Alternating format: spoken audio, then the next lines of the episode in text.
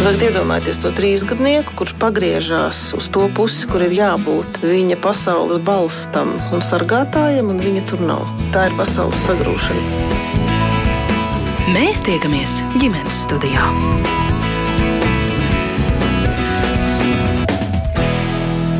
Labdien, klausītāji! Radījuma producents Armīti Kolāte, man sauc Mērķis Notiņa, un tūlīt saruna par stresu, kas piemeklē gan arī visus bērnus, kuri uzsāka vai atsāk skolas gaitas, kā arī viņu vecākus. Pēc garās vasaras sāks atkal cita dzīve ar agriem rītiem, mācīšanos ne tikai skolā, arī mājās, braukšanu turpat atpakaļ uz interešu izglītības centriem un citām nodarbēm, kas vasaras laikā visbiežāk izpalika. Kā saglabāt mieru sevi un pārliecību, ka viss būs labi un palīdzēt savam bērnam pārvarēt stresu skolojoties? To es jautāšu certificētai mākslas terapeitei, pusauģu resursu centra mentorei Līgai Cepurītei. Labdien. Labdien! Arī Rīgas 64. vidusskolas psiholoģijai Dainai Žurilo. Labdien. Un arī ārstei rezidentei psihoterapijai Rīgas Tradiņu universitātes pasniedzējai Aleksandrai Gromovai. Labdien! Bet vispirms tiešām gaidu tādu atgādinājumu no jums, kas tas ir stress. Ļoti, ļoti bieži lietots vārds ikdienā, un tomēr, ko tas īsti nozīmē? Nu, vispār pēc definīcijas stress ir kaut kāds notikums vai laika periods, kurš aktīvi ieslēdz mūsu adaptīvos mehānismus. Tajā skaitā fizioloģiskus, mentālos, un tad mēs to stresu pārvaram. Uh, principā nekādu bojājumu organismam un mentālajai veselībai uh, nenodarot. Un šeit, man liekas, ir ļoti svarīgi nodalīt to stresu uz divām daļām, tā kā apakšdaļām. Pirmais būtu eustress, kas īstenībā ir tāds stress, kurš mūs sastop ikdienā un kas ir pilnīgi normāls un ar kuru mūsu adaptīvie mehānismi izcili tiek galā. Pateicoties eistresam, mēs aktīvi attīstamies kā personības un sasniedzam mūsu mērķus. Bet vēl ir otrā. Uh, otrā daļa, kas ir distress. Un distress tas ir tāds notikums vai periods, ar kuru mūsu adaptīvie mehānismi vairs nevar tikt galā. Un iestājās dekompensācijas stāvoklis un iespējams var attīstīties krīze. Tāpēc man liekas, ka šeit ir ļoti svarīgi nodalīt, kas ir tāds veselīgais un ļoti noderīgais stress, kas būtu eustress. Un distress, par kuru mēs laikam šodien vairāk runāsim, tad, kad tie adaptīvie mehānismi tiešām vairs nevar tikt galā. Mēs noteikti vairāk šodien runāsim par distresu, un kā jūs teicāt, tas jau ir tas stress, kas var ietekmēt gan pašsajūtu, gan varbūt ilgākā laika posmā arī veselību.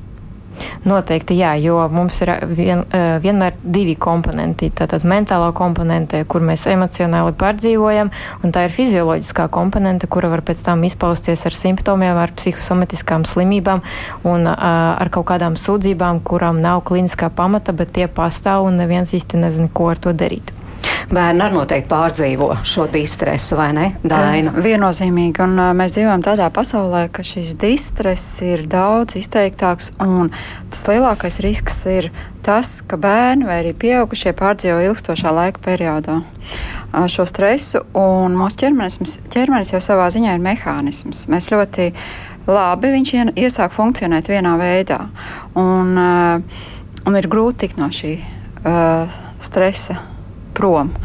Un tad ir eh, ļoti svarīgi, kad ir apkārt cilvēki, kurš spēj to eh, pamanīt, eh, palīdzēt. Ilgstoši nedzīvot šāda uh, stresa uh, situācijā. Vai skolas vide varētu teikt, kaut kādā ziņā ir vieta, kur uh, nu, ilgstoši tomēr bērni tiek pakļauti stresam? E, Pieļauju, ka noteikti.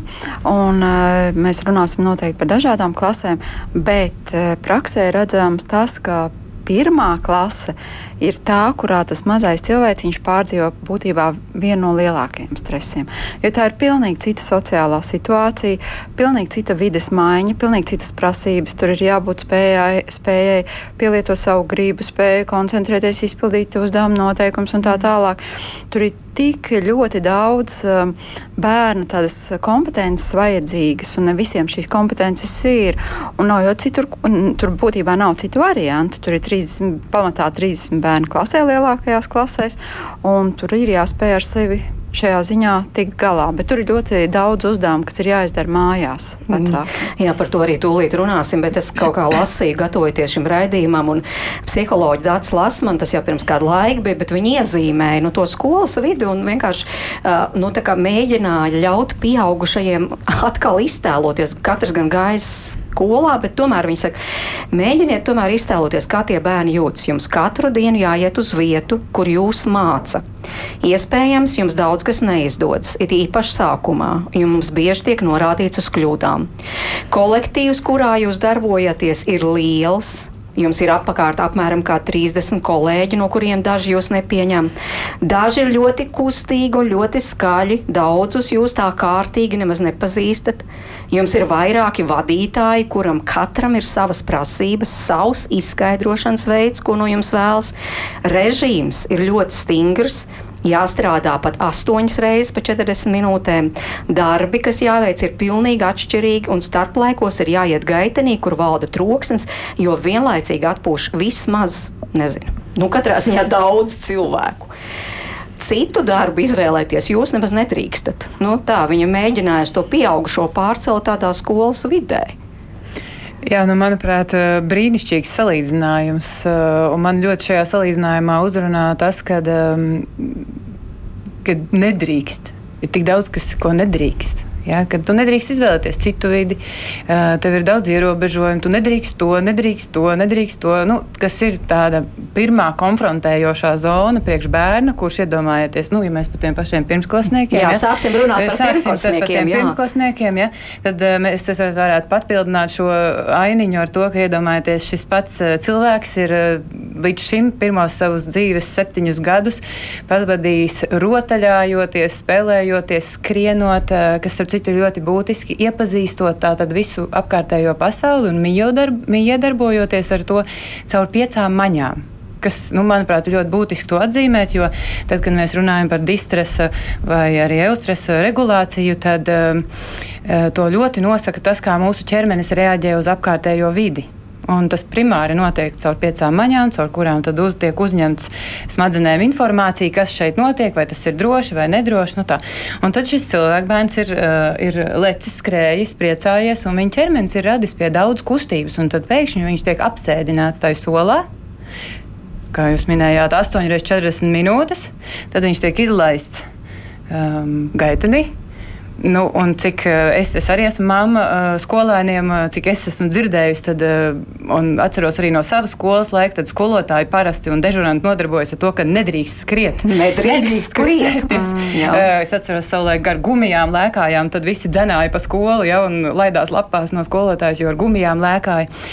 Uh, nu, lūk, bet tā vajadzība kustēties ir ārkārtīgi liela, kas uh, tātad var palīdzēt mazināt šo distresu. Ja? Un, uh, un, manuprāt, šis salīdzinājums arī ļoti palīdz vecākiem saprast, nu, kas tad realitātē ar to bērnu tur skolā notiek. Jo, ja mēs iztēlojamies, savu ikdienu, pie kuras mēs esam pieraduši. Mēs nomainām darbu uz citu darba vidi, bet viņa ir diametrāli pretēja tam. Tā kā pilnīgi pretējais pols tam, kā mēs līdz šim esam dzīvojuši. Nu, mēs mēdzam sēdēt bieži, ja nu, mums liktu skriet visu dienu. Ja, tas būtu tieši tikpat ļoti grūti un augsts distress. Lūk, un, manuprāt, tas ir svarīgi galvenokārt tāpēc, ka uh, ir būtiski veicināt vecāku izpratni par to, kāpēc bērns, kurš atnāk mājās pēc šīs dienas, uzvedas tā, kā viņš uzvedas. Viņš grib skriet, Viņš grib pretoties visam, kad viņu liek klāt atkal sēdēt un mācīties? Un viņš grib uh, skatīties multfilmus, viņš iespējams grib kaut ko radošu darīt. Jā, starp citu, kas nu, man kā māksliniekam ir, par, ir ko teikt par to, cik liela nozīme distresa regulācijā ir, ir, ir arī radošumam. -hmm. Tā.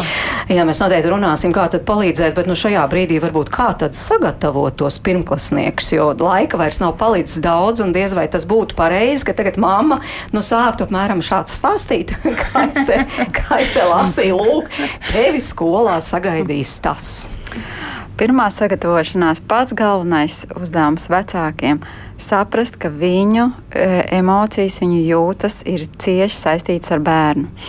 Viņi, jū, ko viņi pārdzīvo saistībā ar skolu. Un vecākiem bieži vien šajā sakarā ir milzīgs tāds emociju jūklis un pārdzīvojumi, jo viņiem ir savas atmiņas par skolu, kas, um, es arī teikšu, domāju, ka ir. Uh, tomēr daudz atšķirīgs no, no mūsdienu skolas, ja skolotāji attīstās un izprot mūsdienu bērnu vajadzības un mainās līdzi mūsdienu bērnu vajadzībām.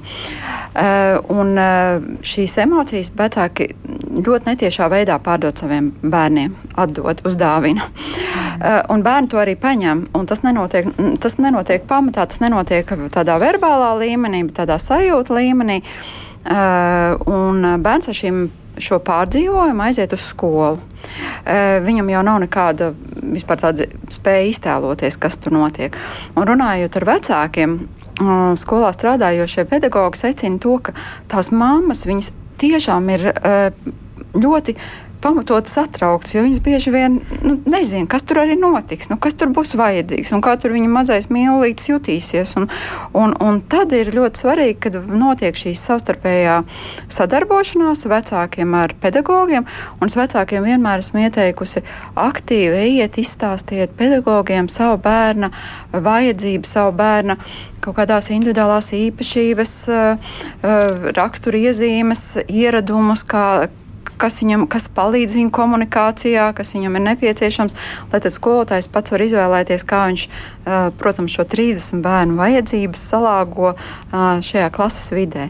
Bet pats galvenais pirmām kārtām jāstrādā pašiem ar sevi pieaugušiem. Jā, starp citu, es atradu tādā 2020. gadā Lotus Farma bija tāds neliels no nu, aptauja, un tad viņi arī, nu, viņi vismaz noskaidroja, ka apmēram 63% mammas patiešām ir ļoti uztraukušās pirms skolas sākuma sākuma un, un piedzīvo stresu, tātad vispirms pašiem vecākiem jānomierinās. Tad noteikti piekrītu tam, jo uh, skola ir tāds rīktīgs solis uz separāciju, un uh, tas ietekmē ne tikai bērnu, bet arī mammu un vispār vecākus un ģimeni. Un šeit ir tiešām ļoti svarīgi saprast, kādas jūtas rodas iekšā pašai mammai, saprotot, ka tagad viņa katru dienu vedīs savu bērnu, par kuru viņa principā visu zināja, vienmēr kur viņš ir un ar ko viņš nodarbojas. Un tagad tā būs pavisam sveša vide un loģiski, ka bērns mazāk un mazāk stāstīs kaut ko par savu privāto dzīvi, jo tas ir dabiski, ka bērnam veidojās sava privātā dzīve, par kuru viņš varbūt ne tik ļoti grib mammai stāstīt. Un, uh, tas, tā hiperkontrolas, varbūt dažreiz varbūt ne hiperkontrolas, bet kontrolas palaišana ir uh, grūts darbs. Uh, it īpaši, ja pirms tam tā bija vienmēr. Un uh, piekrītu pilnīgi psiholoģijai, ka šeit ir jāstrādā pirmkārt ar sevi, lai uh, saulēcīgi saprast, cik ļoti tas varēs ietekmēt arī bērnu un potenciāli arī kaitēt viņas būšanai skolā. Nu, bet kā strādāt? Ir kādi ieteikumi, ko tās mammas var darīt tagad tā vietā, lai uztrauktos? Protams, ka no ārsta rezidenta mans pirmais ieteikums būtu vērsties pie speciālista, pie psihologa vai pie psihoterapeita, bet ir arī, protams, resursi, kuri, palīdz, kuri var mm, derēt kā pašpalīdzības pasākumi. Tas varētu būt, piemēram, mindfulness practices, kā piemēram pie KBT, tad, kad tu sāc ikdienā novērot, kas notiek tevi iekšā konkrētos gadījumos. Piemēram, notikums numur viens es tagad atvedu savu bērnu uz skolu. Kādas man automātiskas domas rodas? Nu, pieņemsim, kādai trauksmainai mammai tiešām var rasties bažas par to, kā, nu, tūlīt, laikam, manam bērnam būs grūtības, tūlīt viņu sāks apsaukāt un tā tālāk kādas izjūtas ar to ir saistītas, bailes, varbūt kaut, kāda, kaut kādas atmiņas no pagātnes rodas. Un tad pēc tam varbūt paskatīties, cik ļoti labi tas tiešām atbilst realitātei, kā ir bērnam skolā reāli un um, cik ļoti tiešām tas uh, ir vairāk par mammu pašu, nevis par to skolu un par to bērnu. Un, manuprāt, un arī man ir tādi pacienti, kuri to schēmu pielieto ikdienā pie vairākiem notikumiem, jo mums ikdienā notiek tūkstots notikumu. Un jā, patiešām ar laiku tu saki vairāk saprast, ko es šeit jūtu, ko es šeit domāju, cik ļoti labi tas atbilst realitātei, un man tiešām jāturpina to uh, mehānismu, to šablonu lietot. Mm -hmm. Liene, jums ir kas līga, atvainojiet, līga. Es, jā, jūs pasmaidījāt, jums ir te kas piepilstams par tām mamām. Es vienkārši dzīvoju līdzi. Jā. e, nu, varbūt tik daudz man būtu pie, piebilstams, ka, manuprāt, ne, būtu svarīgi neaizmirst arī realitāti, kurā mēs atrodamies. Jo, un tā kā palīdzēt vecākiem nošķirt, kas ir tie satraukumi, kas patiešām ir ļoti pamatoti, jo brīnišķīgi izstāstīja par skolas pieredzi, bet ne visās skolās ir tik brīnišķīga pieredze, kad var iet un runāt ar pedagogiem. Es kā speciālists īpaši daudz to dzirdēju pēc Covid teiksim, periodā, ja, kad skolas bija ļoti slēgtas, noslēgtas vides, kuras nelaida klāt vecākus. Un vecākiem tad, protams, klausoties viņos, ir ļoti pamatotas bažas par to, kas notiek, kā notiek. Teiksim, viņi redz mājās, ka kaut kas neiet mācībās, bet viņi nevar piekļūt īsti uh, skolotājam. Ja? Nu, lūk, tāpēc es ļoti uh, pievienojos tam viedoklim, ka ir ļoti svarīga tā savstarpējā komunikācija starp skolu un vecāku. Jo jāsaprot, ka uh, ja, ja skola ir tā jaunā vide, tie ir tie pieaugušie, pie kuriem bērnam ir jāpierod tad vecāki ir tā drošā vide, pie kuras uh, bērns jau ir pieradis. Un vecākiem ir ļoti liela loma, uh, ko viņi var izdarīt mājās, lai palīdzētu arī tai skolai kļūt par to drošo vidi.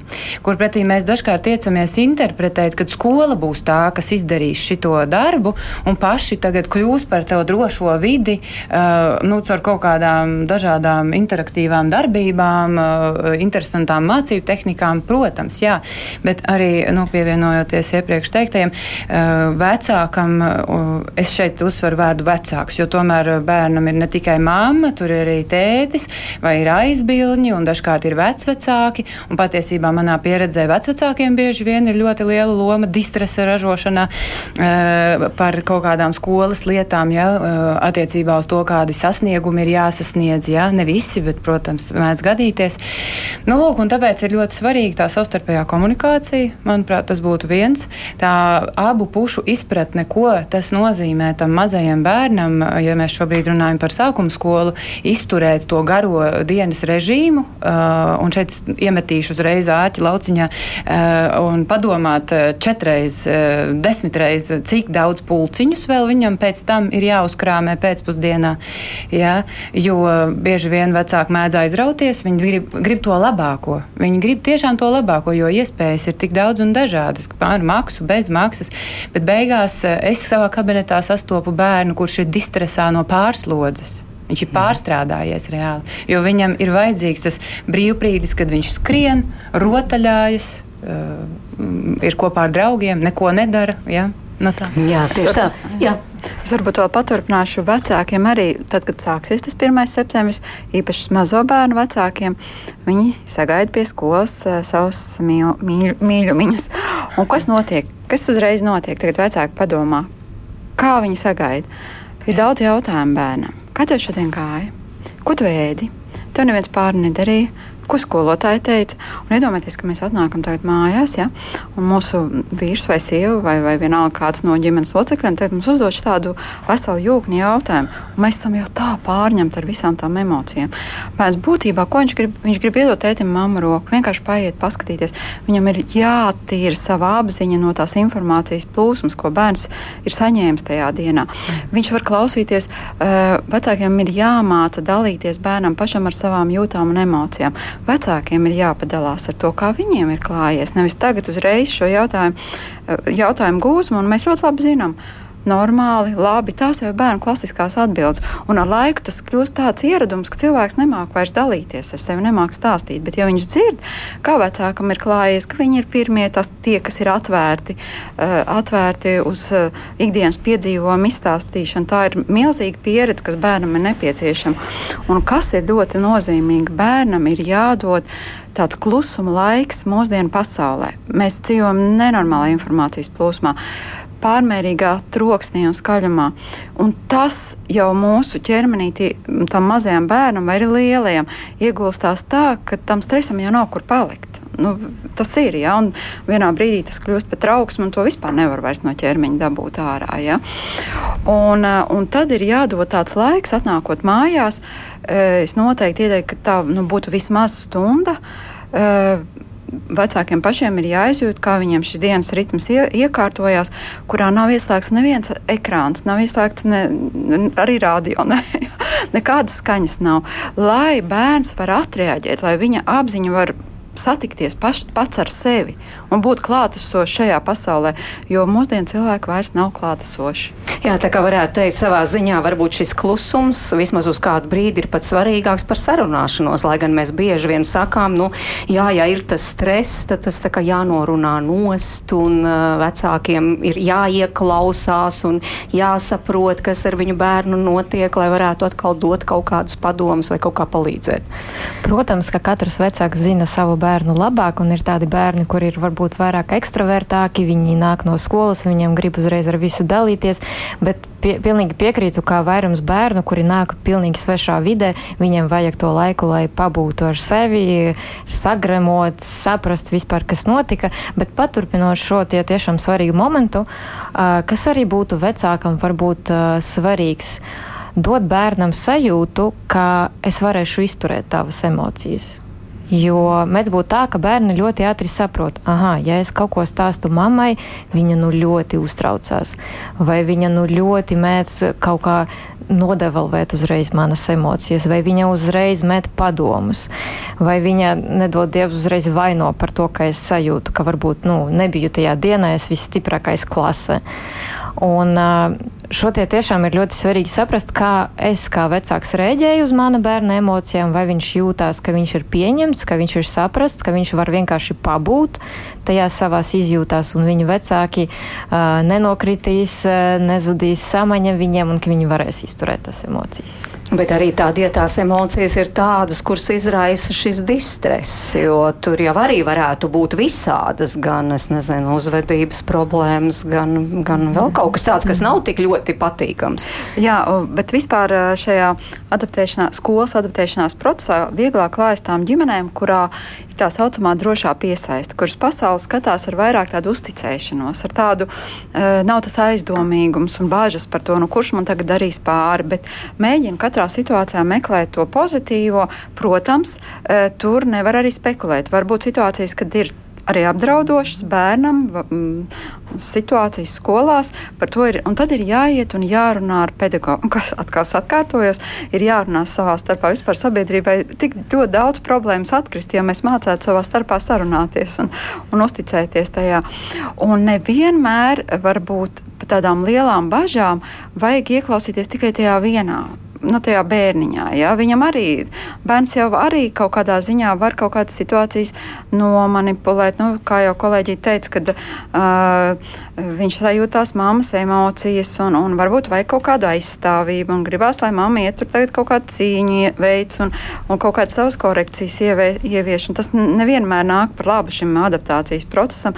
Sākumā ir pilnīgi skaidri, darbojoties ar savām emocijām, jātiek galā ar situācijas objektivitāti. Un tad, kad tiek, tad var risināt šo situāciju. Bet jūs teicāt, adaptācijas periods. Protams, vienmēr par adaptācijas periodu runā piemēram pirmajā klasē, bet tas tikpat būtiski būtu arī tad, ja uzsāk, pieņemsim, pamatskolu, vai uzsāk vidusskolu, vai sāk mācības kādā citā skolā, piemēram. Tad arī varētu vienmēr runāt par kaut kādu zinām adaptācijas periodu, vai pat vienmēr runāt katra mācību gada sākumā, ka katram bērnam ir vajadzīgs adaptācijas periods? Jā, atkarībā no situācijas noteikti šis adaptācijas periods jau ir vajadzīgs. Mēs jau arī atnākam pēc atvaļinājuma, mums jau var vajag drusciņi adaptēties mūsu it kā ierastajā un zināmajā vidē, un bērnam tas tas um, ir daudz vairāk vajadzīgs jebkurā vecumā, piemēram, šajā pašā pusauģa vecumā. Nu, viņam atnāk, un kas viņam ir ļoti svarīgi? Viņam ir svarīgi tās, tas vienaudžu vie, viedoklis. Viņa galvenais eh, dzīves jautājums, ar ko viņš staigā pa dzīvi, ir, kas es esmu? Un viņš šo jautājumu mēģina atrast. Iedomājieties, ja mums tagad ir aktuāls jautājums, kas es esmu, Es taču nemitīgi mēs eh, katru dienu saņemam tūkstoši, tūkstoši informāciju par sevi. Nu, dažādā veidā, neverbālā, verbālā un, un, un tā. Un tas mums var radīt ne, nu, ļoti lielu stresu. Mums jau pieaugušiem vairs tas nav tik aktuāli. Ja? Tā kā katrā vecumā un katrā situācijā šis adaptācijas periods ir vajadzīgs. Pirmajā klasē noteikti tas ir ilgāks un garāks, bet uh, pārējās klasēs arī.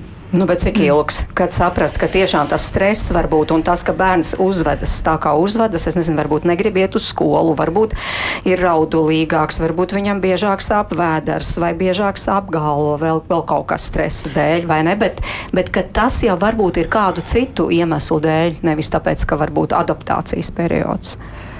Jā, nu, tur ir jāsadarbojas ļoti ar speciālistiem. Pirmais, pirmais noteikti speciālists, kur vecākiem vienmēr iesaka griezties, ir klases audzinātājs. Tas ir viskompetentākais, zinošākais cilvēks skolā. Nākamie speciālisti ir atbalsta personāls kur ir jāiet un jārunā par savām bažām, savām e, izjūtām un tā tālāk. Un pēc tam, protams, ir arī skolas vadība, ja tas ir nepieciešams. Līga. Jā, nu, runājot par adaptācijas periodu, cik viņš varētu būt ilgs vai īss, tas noteikti būs atkarīgs no šī atbalsta ko sniegs ģimene, personāls, skolā, cits atbalsta personāls, jo uh, sapratīsim to, ka uh, tad nu, tas 1. septembris kaut kādā ziņā ir tāda nu, paaugstināta stresa situācija. Un tad jautājums, kas ar to stresa situāciju tiek darīts, kā jau mēs mazliet pacilājām. Ja? Un tad, ja teiksim, un tas būs ļoti individuāli katrā gadījumā, un tad, ja teiksim, bērns atnāk mājās un, kā mēs pirms tam pārunājām, ir šī ļoti satrauktā mamma, tad skaidrs, ka stresors netiks mazināts vai normalizēts, bet tam klāsies pāri nākamie un nākamie un nākamie stresori, jeb dažādas mammas, skolu reakcijas vai tēta skolas vidē piedzīvotais. Un, ja bērnam netiek uh, sniegta šī normalizēšanās iespēja, nu, vai nu runājot, kur uh, es gribētu piebilst to, ka par runāšanu būtu svarīgi saprast par kādu vecumu posmu. Jo bērnam, tāpat kā mēs arī tam esam gājuši cauri, spēja izteikties, jeb verbalizēt un vārdos pateikt, uh, ko viņš domā, kur nu vēl ko viņš jūt, prasa gadus. Mēs pat pieaugušā vecumā dažkārt nespējam. Es aicinātu vecākus vairāk pievērst uzmanību tam, kā bērns to izpauž neverbāli. Ir tīpaši, jo mazāks bērns, jo neverbālāka būs viņa stresa izpausme. Nu, teiksim, jūsu pieminētais uh, skriet, lekt, kliegt, ja, um, raudāt iespējams, ja, un tad vecākam tā, tā brīnišķīgā loma, ko vecāks var izdarīt, ir tā saturēšana, jeb konteinerēšana, jeb atbalsts sniegšana. Eh, kad viņš var mācīt šādā veidā bērnam, jautājot, es redzu, atspoguļojot, es redzu, ka tu šobrīd izskaties satraukts. Un vienkārši ļaut bērnam kaut vai pateikt, jā, es esmu satraukts. Jo parasti, kad bērnam jautā, kā tu jūties, viņš atbild, jā, nē, labi, slikti. Tieši tāpēc, ka tas arī ir viss, ko viņš ir spējis līdz šim kaut kur izrautos gabalos iemācīties, kā pieaugušie par to runā apkārtējā pasaulē.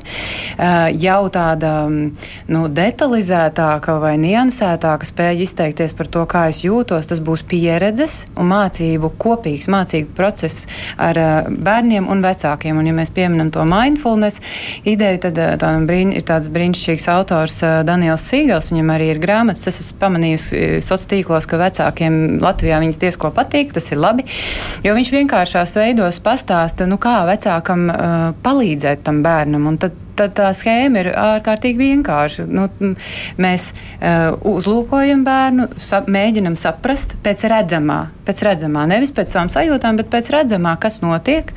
Iegūstam tādu nelielu distanci laikā un, un, un un sakam bērnam, es tātad, kā jau es jums minēju, es redzu, ka tu izskaties tāds satraukts šodien. Bērns var atbildēt, jā, nē, visticamākais, jo lielāks būs bērns, jo lielāka būs pretestība, un viņš, nu, teiksim, pusaudzis var pateikt, nē, vai atšujies un, un aiziet savā istabā, jā, bet tad nepalikt tomēr tajā situācijā vecākam pilnīgi pasīvam.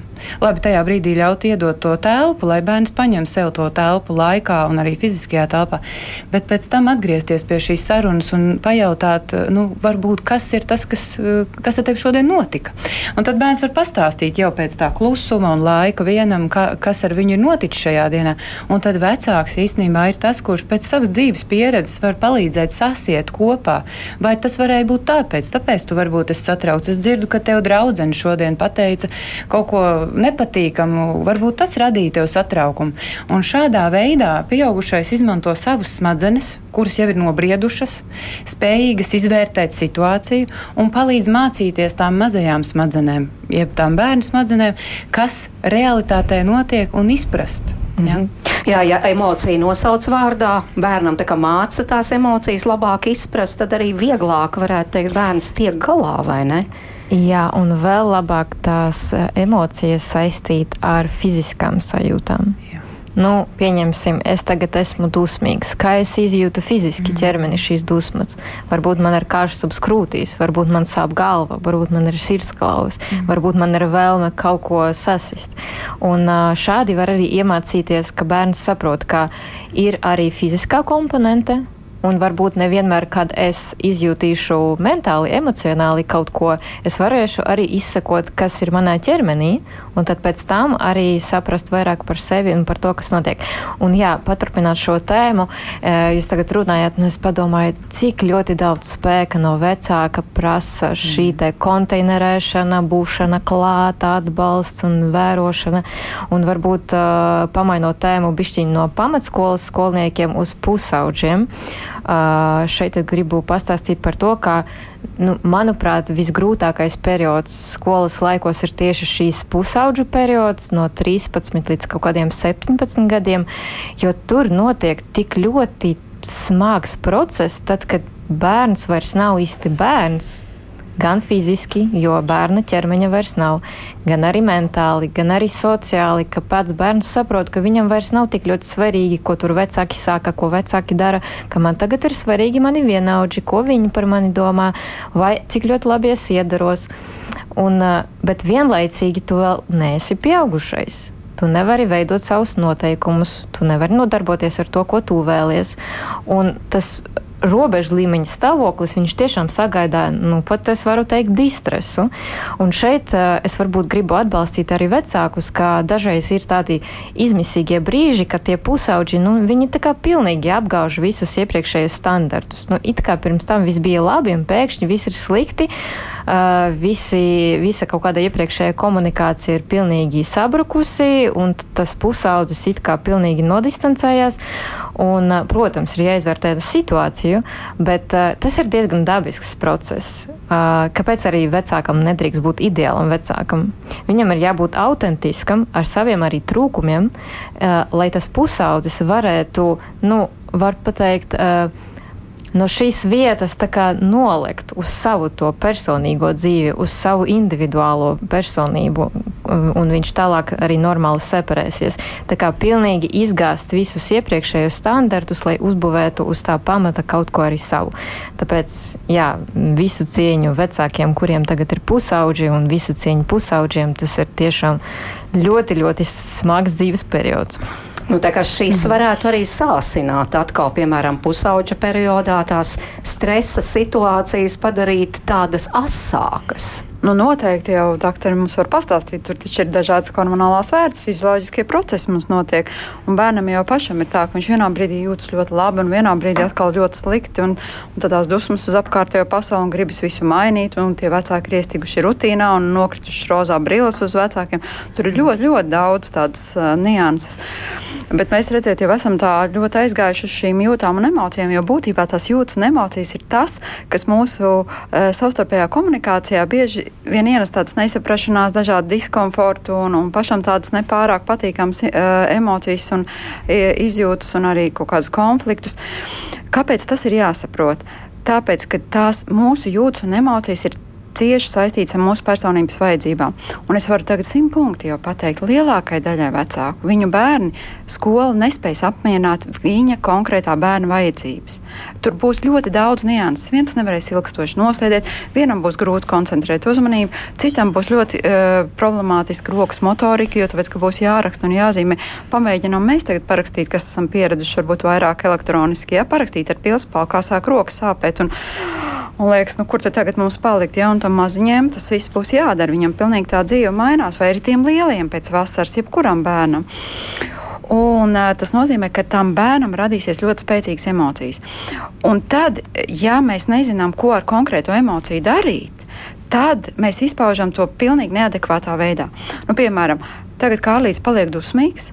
Nu, ko viņam ar tām dusmām darīt? Nu, kaut kur tām dusmām ir jāpaliek. Nu, ja, un, ja vecāki nav, uh, nav to izstāstījuši, vai skolotājs vēl nav paspējis, piemēram, to izstāstīt, jo es zinu no saviem kolēģiem, ka viņi pieiet šai tēmai tā rūpīgi, un viņi stāsta, ko tagad darīt. Nu, kā, kā, kādas ir tie rīcības veidi, ko darīt, piemēram, ja tev rodas kaut kāds stress, vai ja tu esi ļoti priecīgs. Ja? Mm -hmm. nu, mhm. nevajag varbūt visu tagad skriet un, un, un ļoti mīļot, varbūt var citādākā veidā to darīt.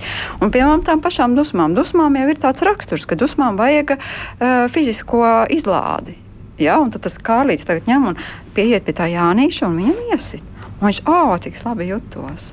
Un nākamajā reizē es noteikti tāpat darīšu. Jā, mēs tiešām tūlīt arī runāsim, ko bērniem varētu iemācīt, kā tad ar šo tikt galā. Nu, tomēr tas pamatcēlons visam ir tas stress, par ko mēs runājām.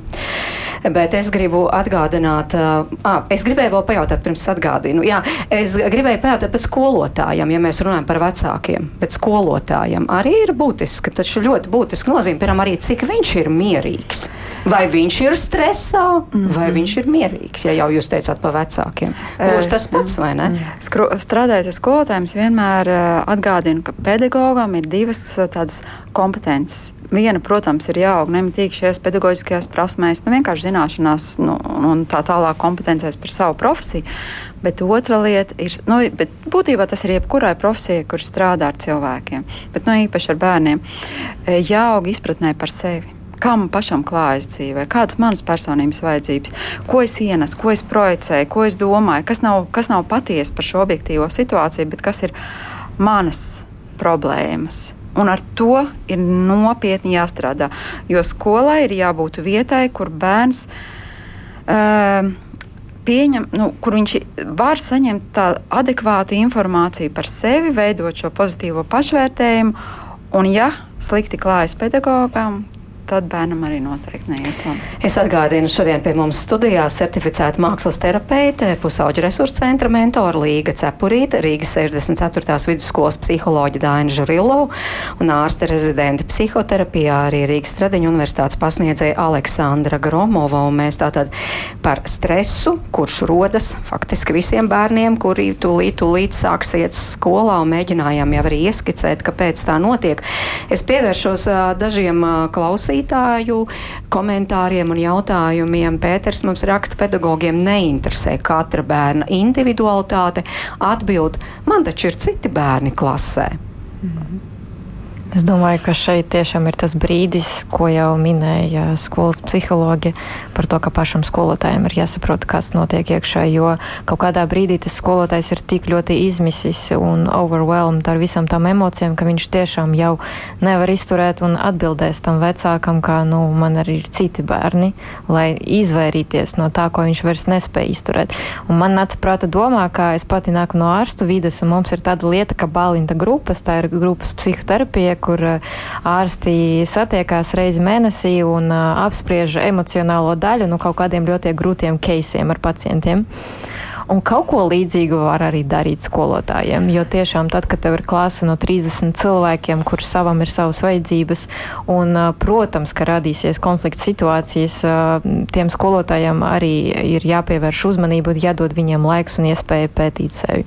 Jā, jā nu, skolotājiem arī ir tādas psih, pāraudzības grupas, supervīzijas, kurās viņiem ir iespēja arī pārdomāt. Tā ir saprast. ļoti labi ziņa. Tas, tas ir, tas jau mums Latvijā ir ļoti tagad. Moderni, teiksim Jā. tā. Kāds teica, jautā, mans bērns negrib atgriezties skolā, jo uztraucas, ka pavasarī kļuvis rēsns, lai gan tās ir muļķības. Kā palīdzēt?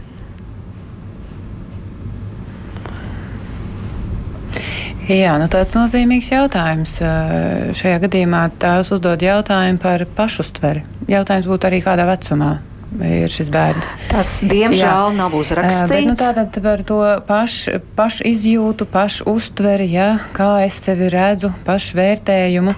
Nu, un, protams, kad vecākiem tajā ir liela loma līdz tam pusauģu vecumam, un pusauģu vecumā tajā sāk spēlēt lomu ne tikai vecāki, bet arī vienaudži.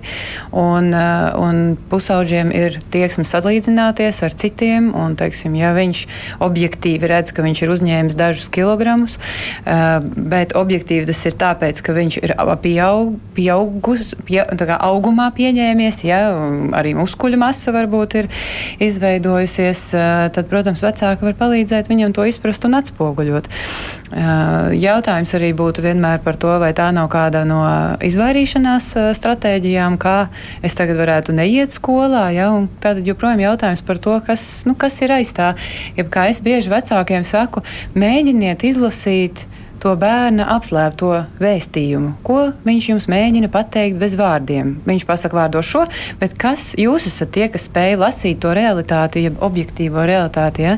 um, labāk nekā šis bērns. Un kas, kas ir aiz tā? Nu, varbūt viņam ir bijušas kaut kādas attiecību mm, sarežģījumi ar kādiem vienaudžiem un tam līdzīgi. Tā kā es domāju, ka šis jautājums ir ļoti, ļoti plašs. Vajadzētu specifiskāk zināt konkrēto gadījumu, bet noteikti iedrošināt bērnu būt mans ieteikums. Nu, tā varbūt arī stāstīt, tā kā jūs sakāt, jā. tu esi izaudzis, pasaka, tas ir normāli, muskuļu masa palielinās, arī, jā. līdz ar to svars palielinās un tam līdzīgi. Jā, un fizioloģiski mēs neviens neaugam visu laiku tikai tā. Mēs paaugamies apaļumos, tad izstiepjamies, tad apaļumos, tad izstiepjamies, un tā mēs turpinām līdz pieaugušā vecumam. Bet es varbūt gribēju arī vēl piebilst, ja ir iespēja um, iepriekšējai diskusijai mazliet uh, par, par to, nu, ka, kā, kā notiek skolās.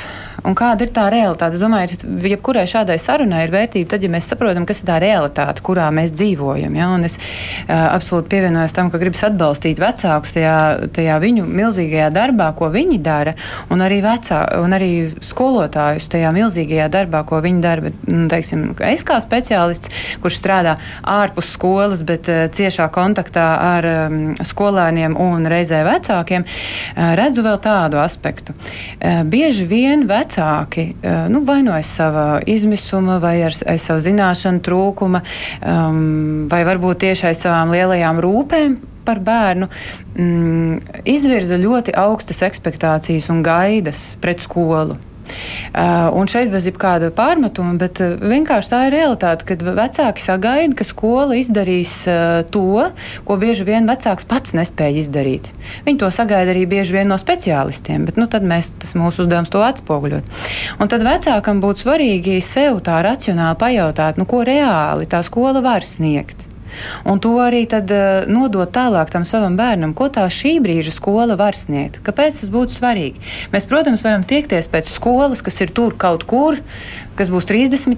gadā, ja, bet mums ir jā, jāpiedzīvo tā skola arī šodien.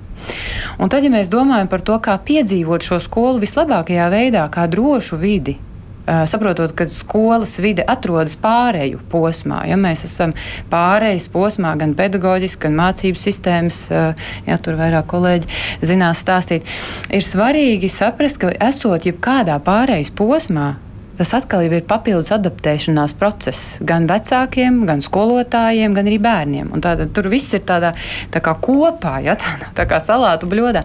Nu, lūk, un tad vecāks, ja viņš neizvirza pārāk augstas gaidas no skolas, un ko es saprotu ar augstām gaidām, nu, teiksim, kad atrisinās tiešām katru šo individuālo gadījumu vienmēr. Jo tiešām tie gadījumi ir tik daudz, tik dažādi, tik daudzslāņaini, jāsaprot, ka skolotāji, viņi arī mācās procesā. Viņi, viņiem ir jāturpina darīt tas eh, viņu viņu līdzšinējais darbs. Sapratīsim pie tā atalgojuma, kas viņiem ir šobrīd, ja? pie tās slodzes, kas viņiem ir. Un viņiem ir arī jāspēj mācīties. Un, eh, un mums katram tas ir papildus stress mācīties. Un tad vecāks var palīdzēt bērnam saprast, ka arī skolotājs nav ideāls. Un tādā veidā viņš normalizē to, ka pat ja tur viss nav ideāli, Pat ja tur arī skolēni nav ideāli, neviens nav ideāls. Tas īstenībā ir īpaši pusauģu vecumā ļoti palīdz bērnam. Nu, lai cik tas paradoxāli neizklausītos, uztvert, ka okay, šī vide ir tāda, kurā es varu dzīvot, pat ja viņa nav ideāla. Jā. Jā. Es gribēju vēl dažus klausītāju jautājumus nolasīt, un šoreiz tie būs uh, Twitter lietotāju jautājumi. Es arī ģimenes studiju pajautāju arī Twitter lietotājiem uh, par šo, nu, vai bērni ir stresā, kas viņus satrauc, un varbūt daži tiešām, dažas atbildes, ko grib nolasīt, Elza raksta. Šodien no zila gaisa sešgadniece sāk satraukties, ka kaut ko nezinās, ka par lēnu strādās. Vienojamies, ka līdz 4. septembrim izpildīsim vienu rēķināšanu zināšanas lapu, uzrakstīsim divus, trīs teikumus un izlasīsim pa pāris lapām grāmatām. Nu, lūk, un meita nomierinājās. Tā kā ļoti. te tāda ļoti laba, ja, mammas.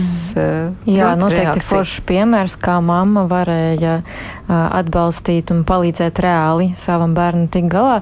Un šeit varbūt es varu tā mm, pakomentēt to, ka mm, ļoti vērtīgi varbūt arī dažreiz bērnam pajautāt, uh, pirmkārt, normalizēt to, kā sākot kaut ko jaunu, jūs trauksmi un ka varbūt kaut kas nesanāks, tas ir pilnīgi normāli. Un otrkārt, padomāt, kā ir tā vienkārši brīva tāda fantāzija, a, kas notiks, ja kaut kur tomēr kļūdīsies. Nu, mm. Kas notiek? Pasaule sabrūks? Nu, laikam nē. Vai varbūt tevi kaut kāds saps apsaukāt? Mm, kāds tas ir par cilvēku, varbūt tu vari man izstāstīt. Un šādā veidā, izpētot kaut kādu pilnīgi, varbūt ap, pat absurdu fantāziju, var uh, tikt uh, klāt pie mm, kaut kādām apslēptām zemapziņas uh, šabloniem uh, par to, kas tiešām notiks, ja es kļūdīšos. Jā. Bērni būtībā ļoti ilgojas pēc ļoti konkrētām lietām, jo viņi jau ir ienākuši tajā pasaulē un viņi, nu, viņi adaptējās. Ja, ja mēs par to vārdu tagad daudz runājam, viņi nemitīgi adaptējās. Un kas ir mums pieaugušiem, liekas, ka viņi jau ir daudz labāk adaptējušies nekā viņi īstenībā ir. Un mhm. viņiem vajag tādas konkrētas instrukcijas, receptes, eh, nu, kā mani vecāki dzīvo un kā viņiem forši klājās. Un tas ir ļoti svarīgi. Un tāpat arī, kā es pilnīgi pievienojos par šo fizisko ķermeni, bērns attīstības posmā iziet tiešām šai mm, izaugšanai, un šis pusauģu vecums ir laiks, kurā tās rokas bieži vien izaug ātrāk nekā pārējais ķermenis. Uz uh, sejas samtās pumpas. Nu, Vārds sakot, cilvēks jūtas šajā laikā laikā, kad e, fiziskais izskats ir visnozīmīgākais dzīvē, izskatās būtībā viss neglītāk. Jā. Pēc tam jau dzīvojam mēs kaut kā. Un tas ļoti sit par šo paš, pa, pašapziņu, pašvērtējumu. Un tad vecākiem ieteiktu jau no bērna dzimšanas būt ļoti uzmanīgiem. Kā, kā, kas ar to bērnu notiek? Kādas ir viņa vajadzības? Uzsvērt viņa stiprās puses, eh, pieaudzēt šo viņu eh, pašapziņu tādā veselīgā līmenī, lai viņš var būt mierīgs par sevi un tajos izaicinājumos, kuri noteikti būs, eh, nu, tos pārvarēja daudz veiksmīgāk. Mm -hmm. Luīza raksta, pagaidām satraucas bērns, satraucas par sociālām prasmēm, vai es atradīšu draugus. Vai es patikšu skolotājai? Par mācībām neuztrauc, jo esam runājuši, ka skola ir domāta tāpēc, lai uzzinātu to, ko nezini, un apgūtu to, ko nemāki. Vecākiem bērnam jāuzdod jautājums, kāpēc tev ir jāpatīk skolotājai? Mums visiem ir jāuzdod dzīvē jautājums, kāpēc mums ir kādam jāpatīk vai kādam jāizpatīk. Mums ir jābūt labvēlīgiem, mums ir jābūt draudzīgiem, mums ir jābūt spējīgiem veidot komunikāciju. Bet tas nenozīmē, ka mē, mums ir jāiet uz kaut kādu mērķi patikt cilvēkiem. Tas, ne, mēs to mērķi nekad nesasniegsim. Nu, varbūt šeit ir kaut kāda tāda. Mm, no senajiem laikiem, tad, kad mēs vēl bijām mm, kaut kur dzīvojām alas, tad, kad tu patīk pārējiem, tad ir lielākā varbūtība, ka tu iedarēsies un tu ieņemsi labu vietiņu grupiņā. Tad, bet es noteikti piekrītu, ka ir jāuzdod jautājums, kāpēc es gribu patikt. Bet kopumā par tām attiecībām gan ar skolotājiem, gan arī ar saviem klases biedriem varbūt arī jāpastāsta bērnam, nu, pirmkārt, klasniekam varbūt nē, bet pusaudzim, ka attiecības nenozīmē, ka vienmēr viss būs labi un ka nebūs mm. konfliktu, nebūs pārpratumu, nebūs negatīvo izjūtu viens pret otru. Tas ir vienkārši mūsu emocionāli tuvas vai tālas attiecības, kurā notiek lietas visādas. Un jo labāk mēs spējam būt kontaktā ar sevi, ko mēs jūtam kaut kādā konkrētā situācijā, un jo labāk mēs varēsim to verbalizēt un pienosacījuma, ka otrs cilvēks arī to var, jo stiprākas kļūs mūsu tas attiecības, kur būs virkne dažādu emociju. Mm. Jā, mums tūlīt jābeidz, tāpēc es gribu nolasīt arī Kristīnas rakstīto. Meita satrauc, ka kaut ko stundās nezinās un nespēs ātri reaģēt. Vispār viņus satraucās jau februārī, ka nav gatava otrajai klasei un nav īsti skaidrs, kur rodas tas iekšējais spiediens, jo mēs kā vecāki neprasām neko tādu. E, tad, kad būs vecāku sapulce, noteikti šo jautājumu vajag aktualizēt vecāku sapulcē. E, vecākiem nākt likt priekšā, nu, ka ir tas satraukums. Nu, nu, it kā viss ir objektīvi labi. Ja? Jo ir kopā jānonāk šim vecāku kolektīvam ar pedagogu. Varbūt dažreiz tie jautājumi tiek uzstādīti pārāk ātri nu, mēs nevaram atbildēt. Mums ir jādod laiks bērniem izdomāt. Nu, nu, vismaz 30 sekundes. Būtībā uz jaunu jautājumu ir jādod iespēja uh, padomāt, jo tad bērns ir tas, kurš ir iniciators, kurš ir tās situācijas vadītājs, nekā, nevis tikai tāda skrūvīte, kura sako līdzi skolotājas domām. Mm -hmm. Jā, un nobeidzot šo sarunu, man tomēr ļoti, ļoti gribas jums tā pavisam īsi paprasīt. Tas varētu noderēt visiem mūsu klausītājiem, arī tiem, kuri, kuru bērni nesāks iet skolā. Bet nu, mēs visi sastopamies ar tām stresa situācijām. Ko jūs ieteiktu katra? Kas ir tas efektīvākais, kā tomēr sevi ātri nomierināt? Nu, tieši nu, nezinu, elpošana vai, vai kaut kas tāds, ko mm -hmm. mēs tiešām varam izdarīt paši un varbūt iemācīt arī saviem bērniem. Dot sev vismaz 30 sekundes, kā bērnam, uh, piesakot savai elpošanai. Vienkārši sākt dziļi uh, un lēni elpot un skaitīt. Un ir vēl tāda tehnika, kā ir jāpaskatās apkārt, jāpamana, piemēram, piecus priekšmetus melnā krāsā. Jāsaprot, kādas skaņas es šobrīd dzirdu. Varbūt kādas smaržas es šobrīd jūtu. Un šādi mēs varam sevi nu, nedaudz saistīt ar realitāti. Un tad pēc tam izvērtēt, par ko tad es īsti biju dusmīgs vai par ko man tas bija dīstres. Un, um, jā. Daina. Es pilnīgi piekrītu. Elpošana un emociju pārslēgšana ir ga galvenie divi tādas metodas, kuras ir uh, efektīvas un ātri palīdzošas. Tad, kad mēs pārslēdzam emocijas un bērns iemācām viņam pārslēgt uz kaut ko pilnīgi blakus kaut kādām lietām, ja situācija atrisinās, tad mēs varam atgriezties pie šīs situācijas un runāt ar viņu, kā vajadzēja, varbūt citādāk un pareizāk rīkoties. Bet tajā brīdī, kad bērns ir pārņemts ar emocijām, tad uh, uz to nevajag koncentrēties. Mm -hmm. Jā, un es varbūt papildināšu, lai neatkārtotos. Es savukārt gribētu šeit iekļaut to, ka ir ļoti būtiski strādāt preventīvi ar stresu. Tātad, ja mēs zinām, ka tuvojas adapti, adaptācijas periods un būs augsts stress, tātad kas ir ļoti būtiski, kas iztrūks bieži vien mainoties šai situācijai, tīpaši uz skolu, fiziskas aktivitātes. Viņām ir jābūt pietiekami daudz, jo tas šķīdina stresu, vienkāršos vārdos sakot, labai uh, sabalansētai ēšanai, dienas nakts režīmam, Tās visas ir lietas, kas strukturē, tie paradumi, kas strukturē un kas palīdz audzēt to spēju un stresa toleranci. Un noslēdzot, kā gan es savādāk varētu noslēgt, kā sakot, ir vajadzīgs arī radošas aktivitātes. Ir īpaši bērniem, viņiem ir jāpiedzīvo, ka viņi spēj radīt. Vienalga, vai viņi dzied, dejo, veido, bet uh, tas ir tas, kas, ik viens, kas ikvienam bērnam ir ārkārtīgi būtisks, kad viņš no nekā rada kaut ko, un tas ir unikāls. Lai izdodas veiksmīgi iesākt šo mācību gadu, eh, to jums saka ģimenes studijas komanda. Raidījuma producents Armīti Kolāta, arī Toms Šits un Kristaps Ruņas pie skaņu pults un es Maidis Notiņa pie mikrofona. Un tiešām mīļš paldies šīs dienas viešņām ģimenes studijā Līgai Cepurītei, Dainai Žurilo un Aleksandram Gromovam. Paldies Aleksandrai Gromovai, paldies arī jums, ka klausījāties. Un eh, lai jums laba diena. Visu labu!